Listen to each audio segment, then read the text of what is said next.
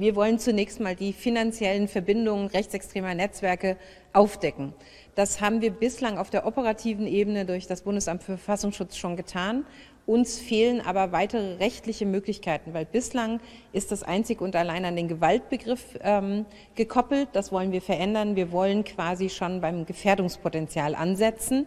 Da hat uns auch das Bundesverfassungsgericht das notwendige Werkzeug schon an die Hand gegeben. Dafür braucht es eine Gesetzesänderung. Die wollen wir jetzt vornehmen.